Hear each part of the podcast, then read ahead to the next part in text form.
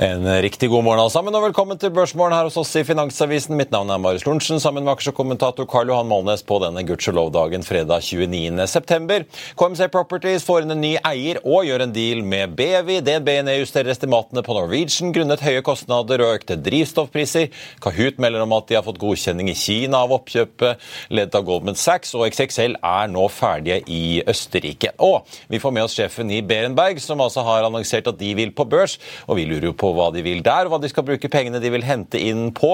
Vi får høre mer fra Arild Appeltun om litt. La oss begynne med å titte litt på markedet nå på fredagsmorgenen. Hovedveksten endte jo ned 0,4 i går. DNB venter en oppgang på 0,3 fra start i dag, og Nordnett venter omtrent det samme. Vi har jo sett en ganske pen utvikling i Asia nå på tampen av uken. Unntaket er kanskje Nikkei, som ligger og vipper rundt eh, null. Men vi ser jo bl.a. Hag Seng opp 2,75. Og den brede SMP Asia 50-indeksen er opp rundt 1,8.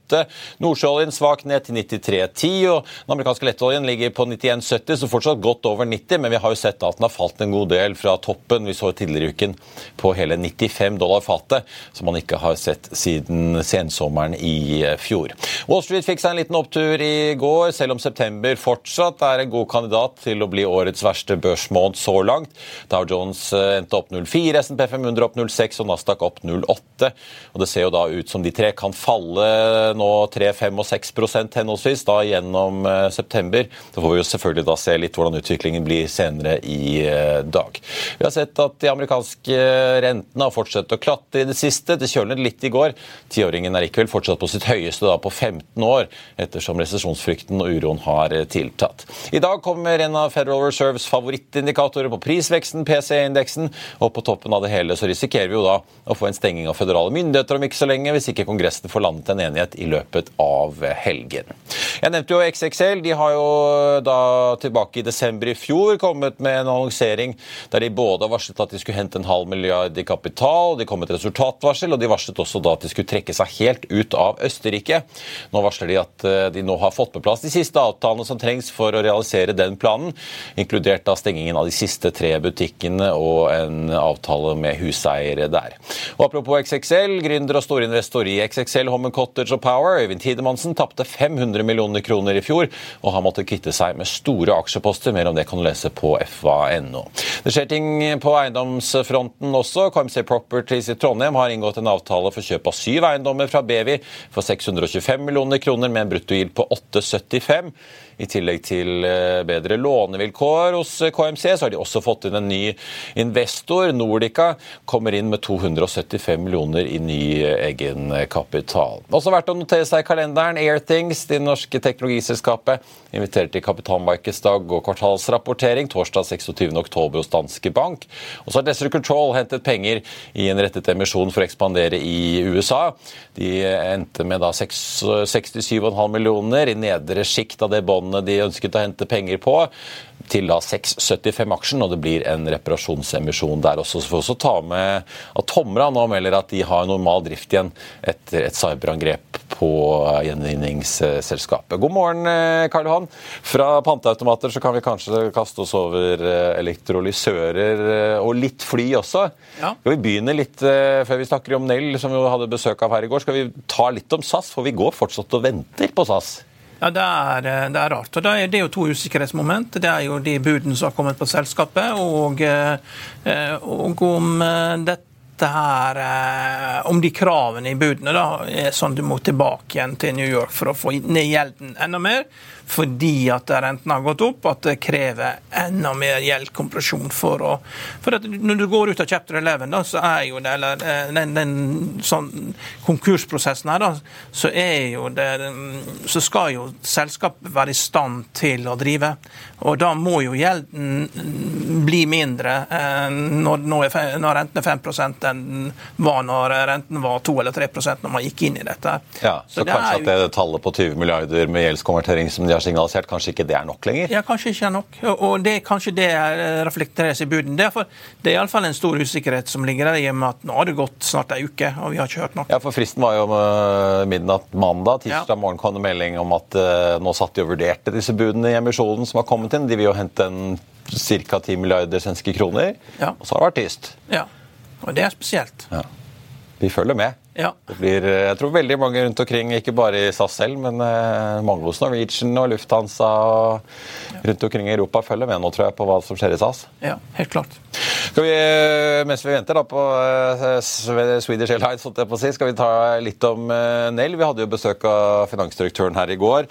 200 000 aksjonærer marsjerer i takt, har du skrevet. Ja, det er, jo, det er jo bare litt over én million linjer i et eh, Microsoft-regneark. så det, og Her har de fylt 200 000 av de med aksjonærer. da, og Det er veldig spesielt. for En rasjonell atferd du, du kan se på hvordan Nordnett-aksjonærene eh, har oppført seg i Nell. Det er jo sånne ting, eh, det er mange måter å overvåke atferd i eh, aksjemarkedet på. eh, når du skal overvåke retail-atferd. Du kan bruke Google Search, men enda bedre er å se på hvor, hvor mye aksjer Nordnett-aksjonærene har. hatt. De har opptrådt veldig rasjonelt i Nell. Eh, Når aksjen begynte å ta av, så eide de 4 av Nell. Eh, På toppen så eide de 2 naturlig nok, fordi at eh, da hadde jo aksjen gått ti ganger. Tok de penger av bordet, eide fortsatt mye. Når aksjen nå har kommet ned, så eier Nordnett 1% av Nell. Det er rasjonell atferd. Tjent store penger. Er fortsatt med meg litt, da, fordi at man ikke helt vet hvordan dette her går. Men det som er rart med disse tyske investorene, det er at de har bare vært opptatt av at de skal beholde sin eierandel da, på veldig likt 53,5% og Det på tross av at Nell har gjort emisjoner på 1,3 milliard og 1,6 milliard. og Ja, Totalt 10 milliarder har de vel hentet inn, ja, sånn, skriver du i avisen i dag. Rundt 10 Ja. milliarder kroner. Og, og mesteparten av dette her har jo kommet i løpet av de siste, siste tre årene, når Clearstream har eid 53,5 det, det er ganske godt gjort da at 200 000 eh, linjer i et regneark klarer å gå så i takt at eh, uansett hvor størrelsen på emisjonen er, så er du liksom tilbake igjen eh, på samme eierandel. Så det, er eierandel som er viktigere enn hvilken avkastning de har på dette. Det virker som at eh, de til sammen vil kontrollere dette. her. da. Det virker veldig, veldig rart. Jeg skulle til å si, det er jo, eh, De har vært der lenge, disse Clearstream. eh, Ja, det er tre år. Tre år. Og, og Nå sa jo finansdirektøren at de har jo med Finanstilsynet vært og sjekket i dette her og fått gått helt ned på liksom at man får personnummernivå. Ja. man, de mener jo at her er det reelle småinvestorer, tannleger i Bayern eller hvem der, det det, er, altså under det dette her. da. eh, De begynte å kjøpe når, det, når informasjonen kom ut at eh, Bosch hadde brukt 200 000 timer på Nikola. I, eh, og da fant jo eh, Altså produsenten, produsenten av hydrogenlastebiler i USA. Ja. Da begynte de å kjøpe. Og så gjorde de noe som Det som gjorde meg mistenksom, det var at når du fikk eksplosjonen i Sandvika, så eh, dobla de eierandelen istedenfor som de fleste da private investorene da gjorde. De trakk seg tilbake. liksom. Panikksalget. Og de gjorde det motsatte. Ok, Da tenkte jeg med en gang dette er jo nødt til å være industrielle kjøpere som ser et industrielt behov. Og det er jo interessant men ut fra den samtalen vi har hatt eh, i går, det er jo at det finnes jo helt klart to klare brukergrupper av dette. her. Det er bilprodusenter, og jeg syns det var en veldig interessant samtale vi hadde der i går med finanssjefen. Den ligger jo på, på sending. Skråstrek TV. Og han sa det at alle stålprodusenter med respekt for seg sjøl, de har nå en pilotprosjekt for fossilfritt stål.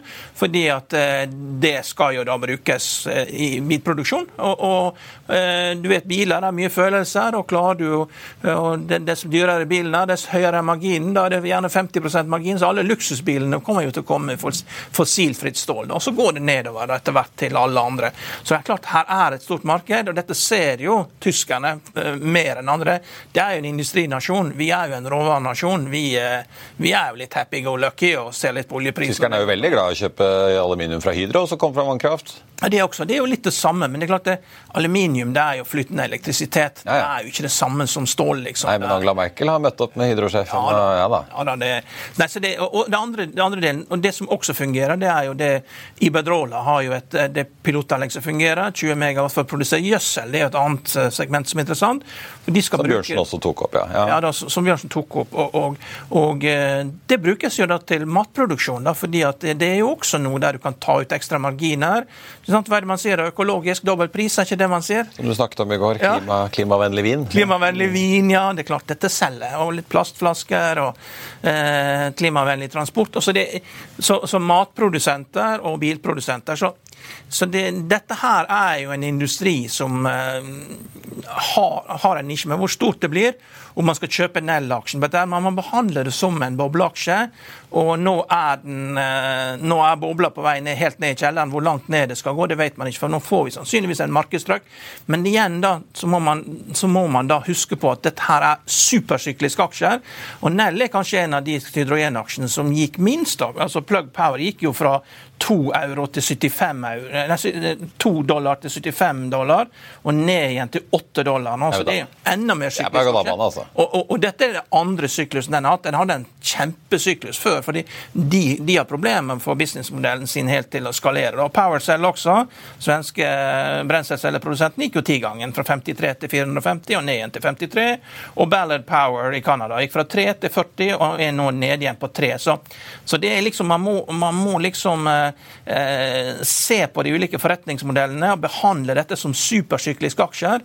Og, og det, det, lærte USA. altså de, Noen av de lykkeligste investorene var de som klarte å time rett eh, disse her eh, renewables-aksjene. Det begynte med Vestas i 1997, altså fram til eh, supersyklusen. Og største, det mest populære lille fondet i USA, Putnam Voyager, hadde Vestas som sin største aksje. og Det gjorde jo folk steinrike. Så det, dette aksjer, så, så selv jeg vet ikke hvor langt ned Nell skal, men alle aksjer går ned når du får markedskorreksjon, som vi nå har foran oss i løpet av de neste 69 måneder.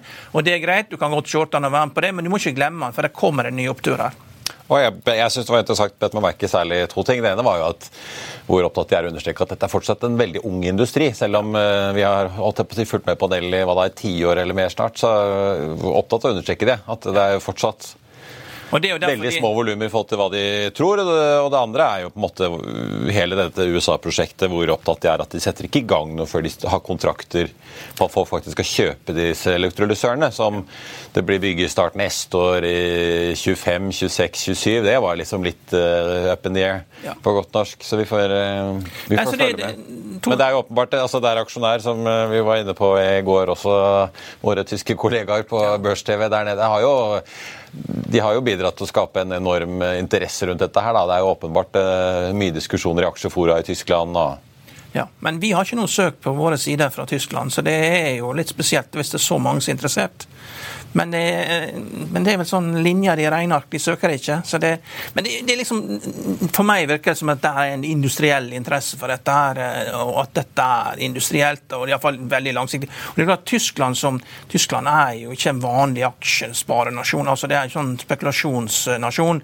De sparer jo i obligasjoner, og de leier boligene sine. Det er en helt annen type kultur. og Etter de blir lurt trill rundt på Deutsche Telekom-aksjer, at alle blir gjort til å kjøpe det, så har de liksom De er ikke så veldig interessert i aksjer. Men at det, at det, kan være industriell interesse for at eh, alle som er, eh, de, alle som er underleverandører til bilindustrien, får bare beskjed om ok, nå, nå kjøper dere dette her, men eh, hold dere jevnt, fordi vi vet at eh, det finnes veldig mange i USA som er interessert i å klå oss. Og, og hvis de får en mulighet til å saksøke oss for 10-15 milliarder dollar, så gjør de det. sant? For de har tatt Volkswagen, de har tatt Bayer.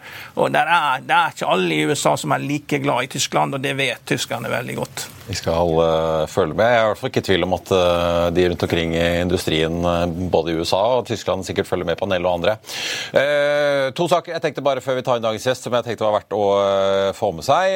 Recreate, eiendomsselskapet, fikk et resultat på skatt, før skatt på nesten minus 200 millioner i første halvår, sammenlignet med et overskudd på snaue 60 i samme periode året før. Eiendomsselskapet opplever jo fortsatt en presset likviditetssituasjon for de gjenværende eiendommene. Har annonsert en finansieringspakke denne uken, og er fortsatt avhengig av å skaffe likviditet gjennom salg av eiendommer, ytterligere gjeldsfasiteter eller emisjoner, kommer det da frem. Og Så er det Golden Energy Offshore da, som kjørte en emisjon eh, denne uken, som du kan lese på FA1 nå. Så vil de da vokse mer og har ambisjoner om å drive en flåte på 15 20 supplyskip innen et år, halvannet. Det skriver altså vi på nettsiden vår nå. Aksjen ned 38 se det seneste året. Hovedindeksen på Oslo Børs opp 0,9 eh, fra starten. Nell som vi snakket om, opp 2,9. SIS opp nesten 6% men det er jo gitt den kraftige utvanningen som vil komme da med konverteringen Litt for en kasinoaksje å regne om dagen. XXL stiger 2,8 på nyheten om at de nå stenger ned i eh, Østerrike og er ferdig med den eh, prosessen. Så har vi KMC Properties, da, som også har gjort flere transaksjoner med BV og fått inn en ny eier, ned 4,5% BV de stiger nesten 7 Norwegian, som vi også holder et lite øye på, som også blir litt nedgradert eh, i estimaten av DNB Markets, opp 1,1% Vi er tilbake med Berenberg-sjefen rett etter dette. Vil du bli oppdatert på det viktigste som har skjedd innen finans og næringsliv? Da er det bare å følge med, for hver morgen er jeg, Marius Lorentzen og aksjekommentator Karl Johan Malnes på plass i studio for å ta tempen på dagens marked i Børsmorgen. Og hver ettermiddag oppsummerer vi alt du trenger å vite i økonominyhetene, og det blir selvfølgelig masse interessante gjester. Klikk deg inn på fa.no-tv, eller søk opp Børsmorgen og Økonominyhetene der du hører på podkast.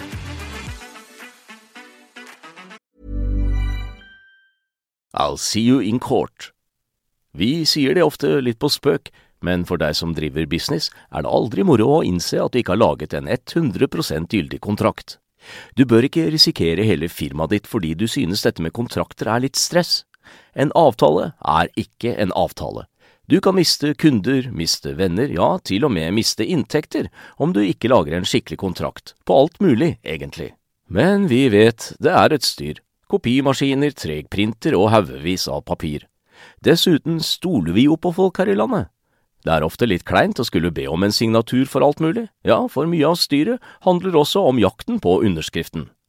Det finnes en enkel måte å løse dette på, Dukkobit, en trygg, effektiv og get this, gratis måte å sikre seg en god natts søvn pluss en juridisk bindende avtale. Dukkobit-appen har de strengeste sikkerhetskrav i bunn, samt en EU-godkjent og sertifisert teknologi. Framover vil det bli behagelig å spørre du, skal vi skrive under på det, eller? Kom i gang på dukkobit.no.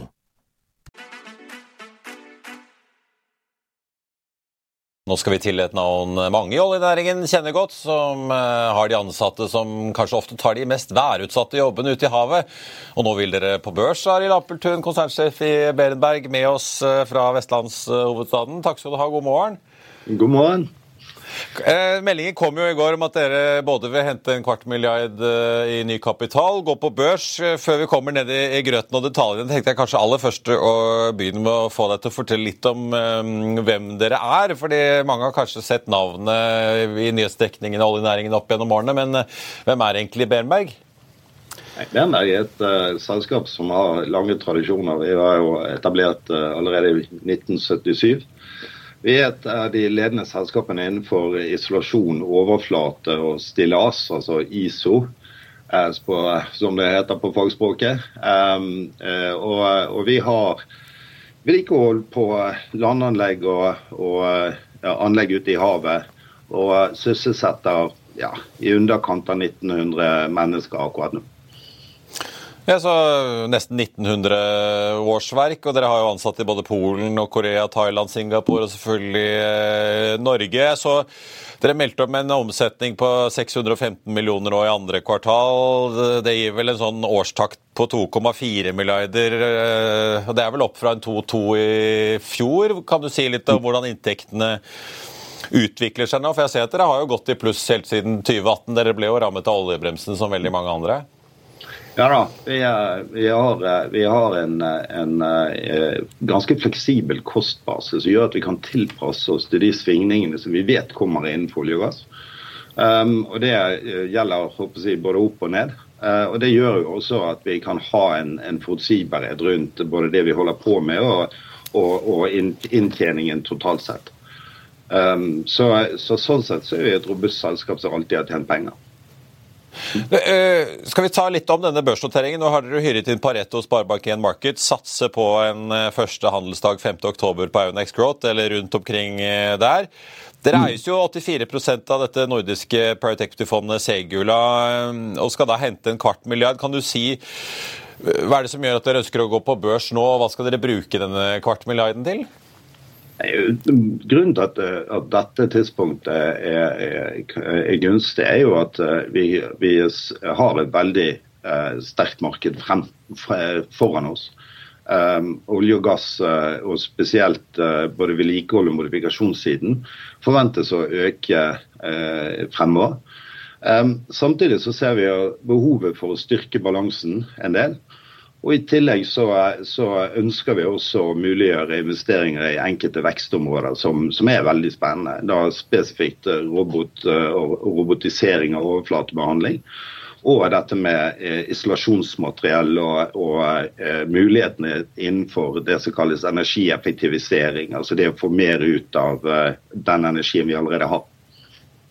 Men hvordan ser balansen deres, altså kapitalstrukturen deres ut da? Hvis man ser på et offshore-rederi, så er de veldig kapitaltunge, har masse skip. Et Aker Solutions eh, er jo gjerne noen verft som eh, heller ikke akkurat er så kapitallette i balansen. Men et firma som dere, hvor kapitaltunge er dere egentlig når du sier at du vil styrke balansen? Nei, vi, vår, vår, balanse er jo forholdsvis beskjeden. altså De største eiendelene våre er jo stillas, først og fremst, og en god del utstyr.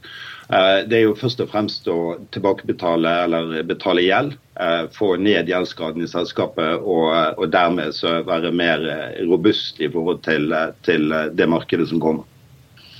Har dere, har dere mange lange kontrakter? Rammekontrakter på, med en horisont på 10-15 år. Det er selvfølgelig kontrakter som er kortere enn det også, men, men hoveddelen av aktiviteten vår er på den, den typen kontrakter. Ja, for Dere skriver at dere har 7 milliarder i ordrebok på rammeavtale, men er det inntekter som dere er så å si sikre på å få? Gitt selvfølgelig at uh, ting må males og vedlikeholdes?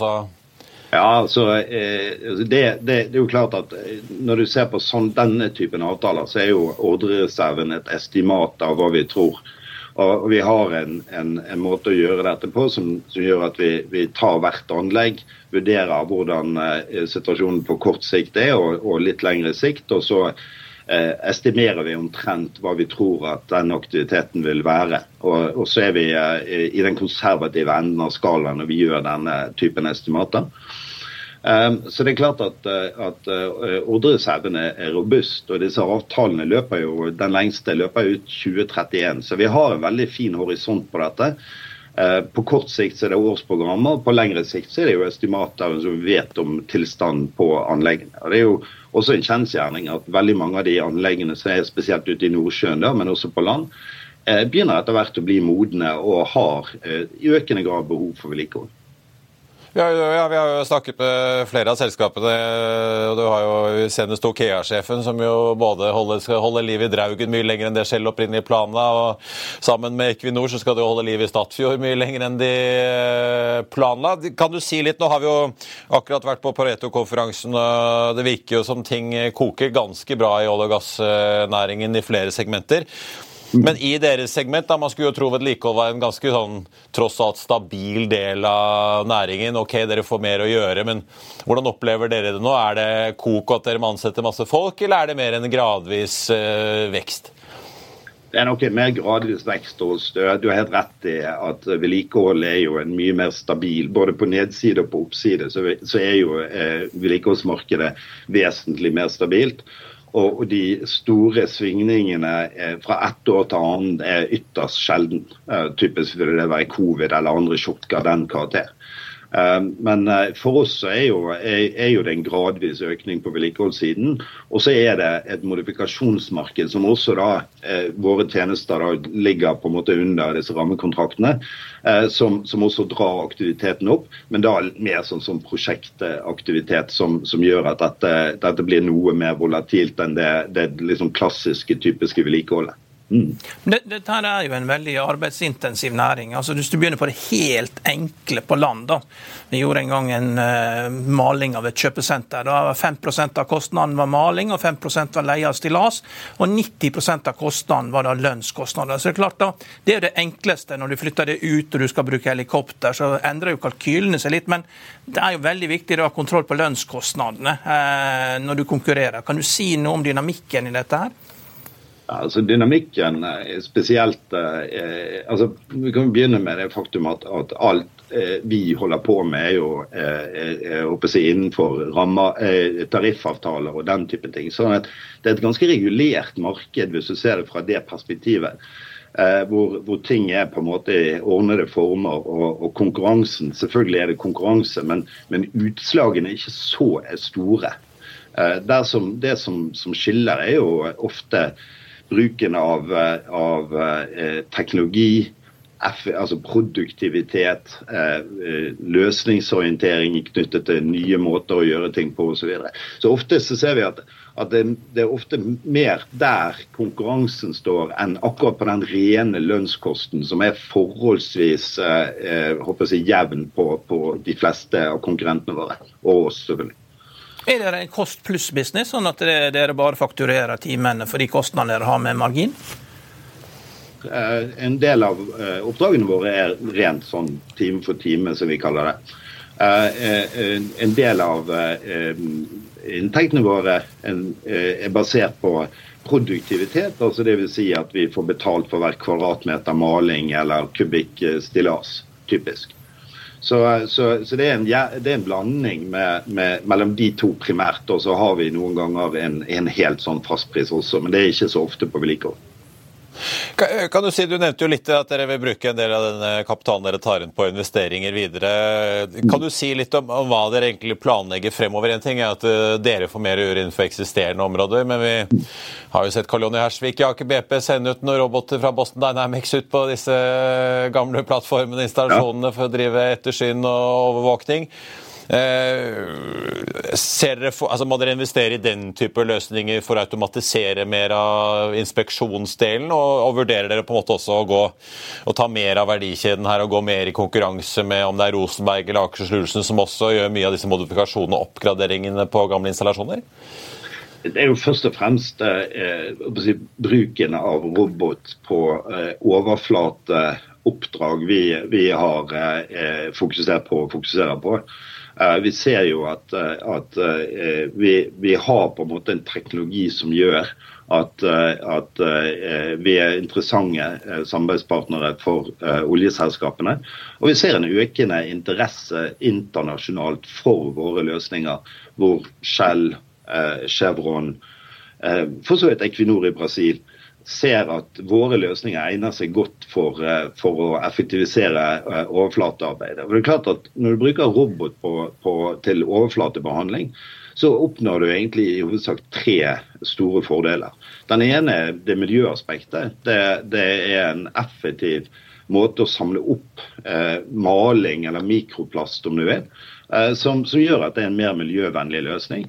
Det er en veldig mye tryggere løsning, altså safety-perspektiv. fordi det er jo ikke folk på en måte i, eh, som opererer tungt utstyr eh, i, i, nærheten av der man jobber. Og, og, Det siste elementet er jo at på en del områder så er jo en robot veldig effektiv. Altså Store flater typisk vil jo være, være, veldig godt egnet for robotiserte oppdrag. Så, så, det er på en måte en kombinasjon som gjør at, at det området vokser kraftig. Og teknologien er også i en utvikling som gjør at, at anvendelsesområdene, dette, dette med f.eks.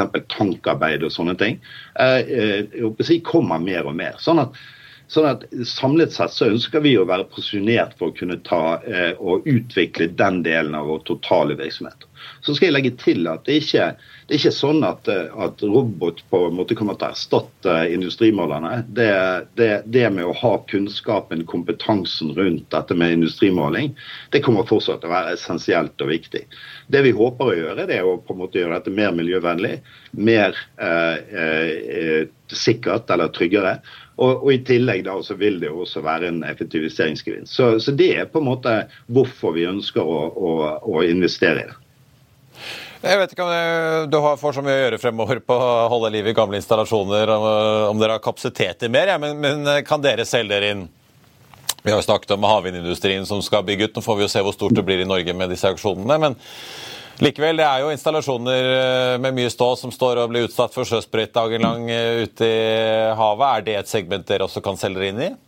Absolutt. Vi, eh, vi, har vel utført vår første lille oppdrag på, på vindturbiner. Og, og, jeg ser også at det, det markedet kommer jo. Men uh, in fairness, det må jo faktisk være noen vindmøller der ute for at det skal være et marked. Så, så vi, vi, er posisjonert, og så venter, avventer vi hvordan utviklingen på dette går. Til slutt, da, eh, Du sier jo du skal bruke en del av pengene på å nedbetale gjeld. Hvordan ser på en måte kapitalbehovet ut uh, fremover, da, gitt at dere nå får inn Nå er det vel en åpning i å tegne seg ut dagen her mm. på emisjonen, men gitt at dere da får inn en kvart milliard, Har dere da fått ned gjelden sånn at dette er en selvfinansierende butikk med, med, det dere har av investeringsutgifter og sånn fremover? Absolutt. Det, da, da, er eh, kapitalstrukturen sånn at, at vi, vi, er komfortable med, med, med si, gjeldssiden og, og, og, kapital. Og så legger vi opp til da, at vi, vi er jo et selskap som, som genererer Eh, mye cash. Vi har en såkalt høy cash conversion, som det heter på fint. Og det er klart at Vi ser for oss at du skal bruke den eh, eh, si, kontantgenereringen til å utbetale direkte eh, avkastning til våre frem, altså eksisterende og fremtidige aksjonærer. Så Det er en del av, av pakken som, eh, som gjør at eh, Berenberg er attraktivt. Utbytte, som dette på Finn Karland? Ja. Arild Appertun, eh, konsertsjef i Beberg, tusen takk for at du var med oss eh, fra Bergen. Så skal vi følge ned med på hvordan det går med emisjonen. Og også, det blir vel bjelleringingseremoni kanskje da til uken? Ja, det satser vi på. Du, God tur til Oslo. Lykke til. Takk skal du ha. På tampen tenkte jeg bare å nevne at eh, Barclays er nå ute og nedjusterer kursmålet på Nordic Semiconductor, som jo har uh, hatt litt motvind uh, den siste tiden. Går nå ned til 100 kroner aksjen fra 125. Gjentar sin undervektsanbefaling der. Nordic Semi er opp 2,4 i dag til 111,15. Hovedveksten ligger oppe 1,1, og ellers så er det jo verdt å merke seg SAS stiger fortsatt veldig mye i dag. Jeg ikke selv opp 2,8 så har vi da Recreate, som vi foreløpig ikke har noen transaksjoner i, å se etter deres kvartalsrapport. Golden Energy Offshore opp 3,8, Comsey Properties opp en drøy prosent. Og så har vi da også uh, Desert Control, som hentet penger på en 6,70 85 var det vel. De ligger nå ned 5,5% til 7, så vidt over 7 kroner aksjen. Norwegian ligger også i pluss eh, etter at DNB tar ned kursmål der fra 14 til 12. Eh, Av andre analytikeroppdateringer som det er verdt å merke seg, ABG oppgraderer Equinor fra hold til kjøp og jekker opp kursmål nå fra 350 til 420. Aksjen endte i går på 353. Og på Okea da, der tar de og nedgraderer fra kjøp til hold, senker kursmålet et par kroner ned til 40. Den endte i går på 37,86. Og så eh, helt til slutt så tenkte jeg også å bare å nevne at selv om det snart er helg, så vil jeg anbefale deg å få med deg Økonominyhetene 13.30 i dag. Da får vi nemlig med oss konsernsjef og partner i Colliers, Bård Bjølgerud. Tidligere Colliers var jo tidligere kjent som Pangea Property. De hadde nemlig en stor gjennomgang av det nordiske eiendomsmarkedet for sine kunder i går, og i dag så kommer Bård hit for å dele eh, med oss da hva som skjer og rører seg i det nordiske eiendomsmarkedet, som veldig mange følger med, ikke bare her i Norden, men også fra det store utland. Vi har jo bl.a. sett uh, svenske SBB lande en slags midlertidig kriseløsning tidligere denne uken. Og hvem vet hva som skjer med Tollefsens Heimstaden, Entra og alle de andre. Og Det skal vi høre med Bård om litt senere i dag. Før den tid så får du siste nytt på FA1 og gjennom hele dagen. Mitt navn er uh, Marius Lorentzen. Jeg er tilbake igjen etter høstferien. Tusen takk for følget så langt. Ha en riktig god helg når den tid kommer. Vi ses.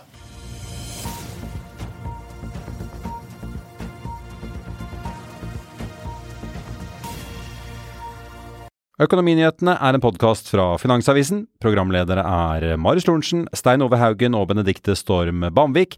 Produsenter er Lars Brenden Skram og Bashar Johar. Og ansvarlig redaktør er Trygve Hegnar.